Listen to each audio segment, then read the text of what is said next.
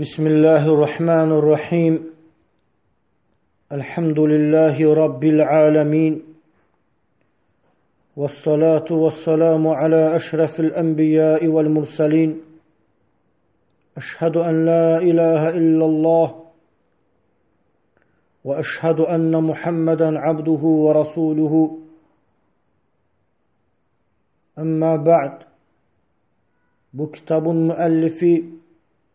kitabın təzimi haqqında Şeyx Abdurrazzaq İbn Abdülmuhsin Allah onu qorusun öz müqəddiməsində buyurur Bismillahirrahmanirrahim. Allah Teala'ya həmd və sənalar olsun. Allah Teala öz qullarına öz mömin qullarına özünü tanıtmışdır və onların sinələrini imana və tövhidə açmışdır. Və Allah Teala'nın cəlalına yalvarmaq üçün və əzəmətindən qorxması üçün onlara namazı əmr etmişdir. Və namaz tövhid kəlməsindən sonra İslamda birinci fərz olunmuş əməllərdəndir. Kim o namazı qoruyarsa, qiyamət günü nur olar və nicat olar və kim onu qorumazsa, ya ona nur vardı, ya da nicat vardı. Mən şahidlik edirəm ki, Allahdan başqa ibadət olunmuş ilah yoxdur, haqqı olan və o təkdir və şəriki yoxdur. Və göylər də və yerlər də La ilahə illallah kəlməsinə görə dayanıb və Allah Teala da bütün məxluqatı bütün məxluqatı onun üzərində yaradıb və cəmaat da onun üzərində qurub. La ilahə illallah İslam kəlməsidir. İslam diyarının açarıdır. Mən şahidlik edirəm ki, Muhammed sallallahu aleyhi və səlləm onun qulu və rasuludur. Və yaradılışların içərisində ən xeyirlisidir. Və Allah Teala onu öz qullarına hüccət olaraq göndərdi və aləmlərə rəhmət olaraq göndərdi. Allahın vəhi üzərində əmin olaraq göndərdi. Peyğəmbər sallallahu aleyhi və səlləm Allahdan qorxanlar üçün nümunə oldu. Allah Teala onu haqq din üzərində göndərdi. İnsanları müjdəliyir cənnətlə və qorxudur cəhənnəmlə və Allah Teala onu öz dininə dəvət edən bir peyğəmbər kimi göndərdi. Allah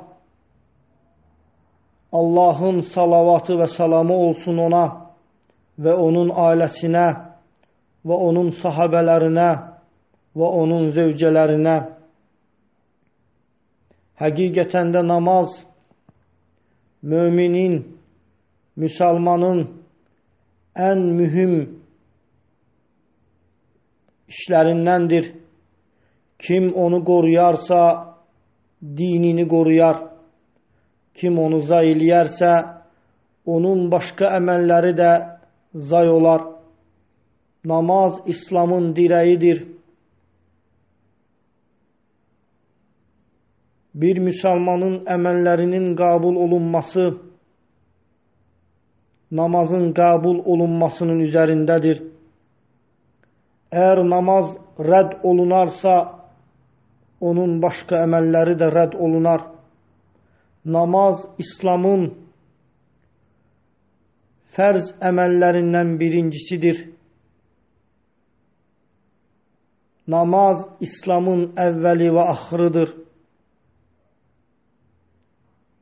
Əgər İslamın əvvəli və axırı gedərsə, İslamın hamısı gedər. Müsəlman dini düz ola bilməz. Onun əməlləri düzgün ola bilməz. Onun dünya və dini işləri də düzgün olmaz. Hətta bu namazı ibadət üzərində, əqidə üzərində Peyğəmbər sallallahu aleyhi və səlləmin öyrətdiyi şəkildə qılmadıqca namaz heç bir şək yoxdur ki, sevənlərin göz bəbəyidir.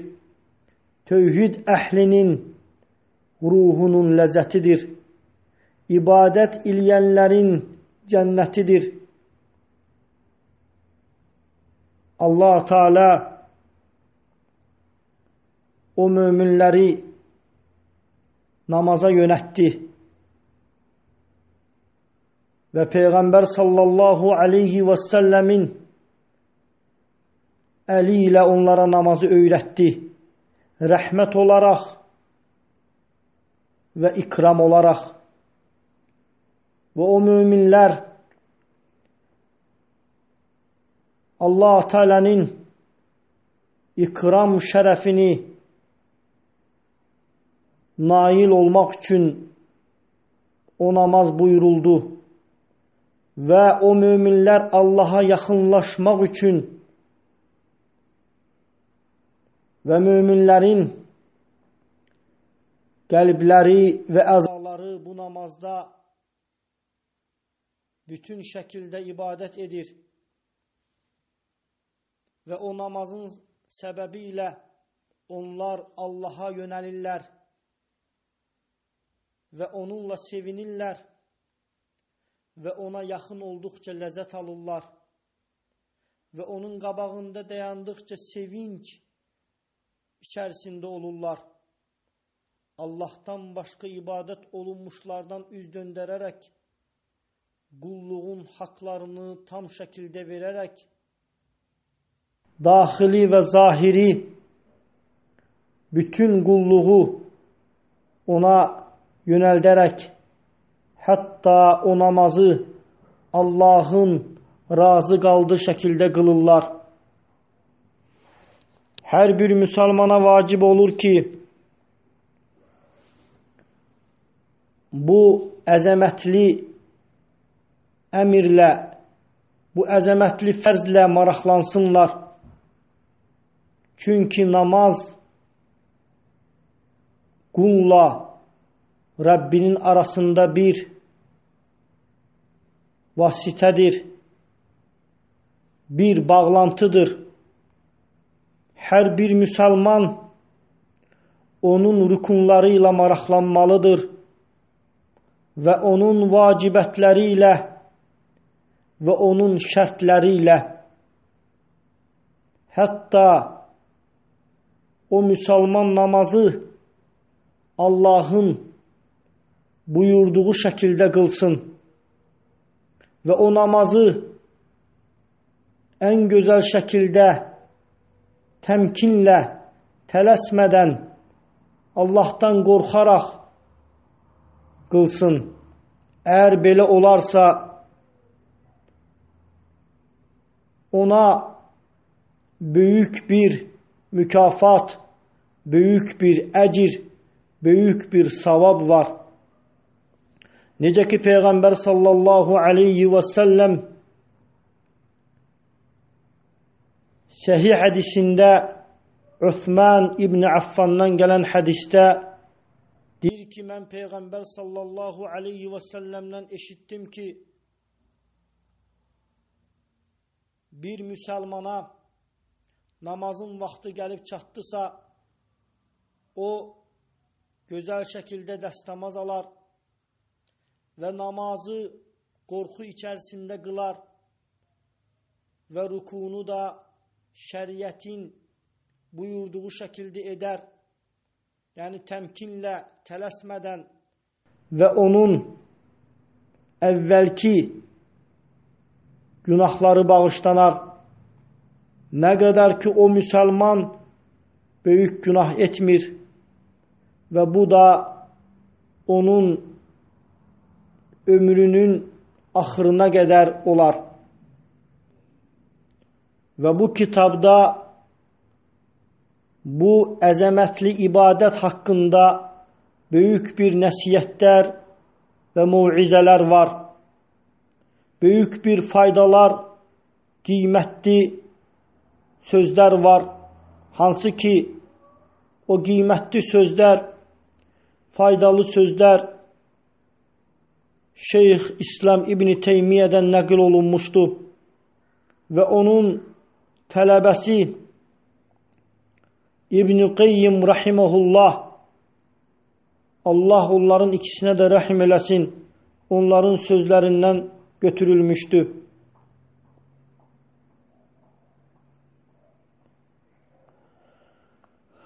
Və sələflərin bizdən əvvəlki salih insanlar bu namaz barədə necə maraq göstəriblər və bunlar necə öz aralarında namazın məkanını və qədrini böyütmüşdülər və öz aralarında namazı xatırlayırdılar. Necə ki, Anil Əsvəddən gəlir ki, deyir ki, biz Ayşə radiyallahu anhə müminlərin anasının yanındaydıq və namazın üzərində davamlı şəkildə olması haqqında zikir etdik və namazı böyütmək haqqında, əzəmətləşdirmək haqqında bu barədə söhbət edirdik. Və Ayşə anamız radiyallahu anhə dedi ki, o zaman ki Peyğəmbər sallallahu aleyhi və səlləm xəstələnmişdi və o xəstəliyin üzərində də dünyasını dəyişdi. O zaman ki namaz gəldi və əzan verildi və Peyğəmbər sallallahu aleyhi və səlləm dedi ki, Muru Əbə Bəkrin fəl yusalli bin nəs. Əbu Bəkir radiyallahu anhiyə əmir edin ki, insanlara namazı qıldırsın. Və Peyğəmbər sallallahu aleyhi və səlləmə dedilər ki, həqiqətən də Əbu Bəkir radiyallahu anhu qəlbi yumuşaq bir insandır. O zaman ki, sənin yerində duranda o insanlara namaz qıldıra bilmir. Və Peyğəmbər sallallahu aleyhi və səlləm təkrarlayır və deyir ki, Əbu Bəkrə namazı qılmağa əmir edin. Və sonra ona eyni sözü deyirlər ki, Əbu Bəkir radiyallahu anhunun qəlbi yumuşaqdır və Peyğəmbər sallallahu aleyhi və səlləm üçüncü kərə deyir ki, Əbu Bəkirə əmir edin ki, o insanlara namazı qıldırsın. Və Əbu Bəkir radiyallahu anhu çıxır və namazı qıldırmaq üçün və Peyğəmbər sallallahu aleyhi və səlləm öz nəfsində qorxu tapır. Onun qəlbində və nəfsində qorxu yaranır. Və Peyğəmbər sallallahu aleyhi və səlləm iki kişinin ortasında namaza gətirilir və o xəstəliyin səbəbi ilə ağrı çəkir. Hətta onun iki ayağı yerlə sürünərək gəlirdi. Və Əbu Bəkir radiyallahu anhu istəyir ki, dala çəkinsin və Peyğəmbər sallallahu aleyhi və səlləm başı ilə işarə edir ki, yəni yerində dayan və Peyğəmbər sallallahu aleyhi və səlləm gətirilir onun böyrünə qoyulur. Və burada hədisdən çıxan fayda hansı ki onlar bu əzəmətli namazın işi haqqında danışırdılar və bu namazı qorumaq haqqında danışırdılar və bu namazı əzəmətləndirmək, böyütmək haqqında danışırdılar. Onda Ayşə radiyallahu anhə bu hekayəni danışır. Hansı ki bu hekayə Peyğəmbər sallallahu aleyhi və səlləmdən gələn bir hekayə idi. Təsir edici bir hekayə idi. Hansı ki Peyğəmbər sallallahu aleyhi və səlləm ölümünə yaxın olan bir xəstəlikdə öz nəfsində ağırlıq tapır, öz nəfsində qorxu tapır ki, mən nəyə görə cəmaat namazına getmirəm? Və nə qədər ağrı çəksə də, nə qədər şiddətli olsa da onun ağrısı, amma yenə də iki nəfərin arasında namaza gətirilir. Ona görə hər bir müsəlman bilməlidir ki, bu hekayədə, bu qissədə Peyğəmbər sallallahu aleyhi və səlləm necə namazı böyük tuturdu və onu qoruyurdu, xüsusən də cəmaat namazında. Bu bizim üçün bir tərbiyədir. Bu bizim üçün bir nümunədir. Heç bir şey burada qaranlıq deyil və gizli deyil. Allah Teala'dan istəyirəm ki, Allah Teala bu kitaba bərəkət versin və bu kitabı Allah Teala'nın razı qaldığı şəkildə yəni oxumağa və yazmağa nəsib eləsin və mömin qullarına faydalı eləsin. Allah Teala'dan istəyirəm ki, müsəlmanların hallarını islah eləsin və onların qəlblərini təqva ilə doldursun və onların işlərini səhmana salsın və Allah Teala onlara səmimi tövbə nəsib eləsin bütün günahlardan və Allah Teala'dan istəyirəm ki, Allah Teala onlara müvəffəq eləsin ki, bu namazla çoxlu maraqlansınlar. Bu namazı böyütsünlər, əzəmətləndirsinlər.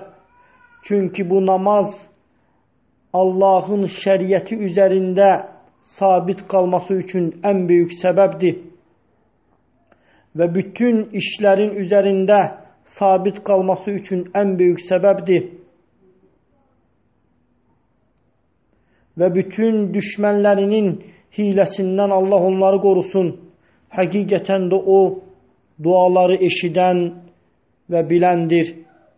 Allah Teala bizə kifayət edər və o nə gözəl vəkildir. Sallallahu və səlləm alə abdihi və rasulihi nəbiyyə Muhammedin və alə alihi və sahbihi əcma'in. İxlasla.com saytı tərəfindən təqdim olundu.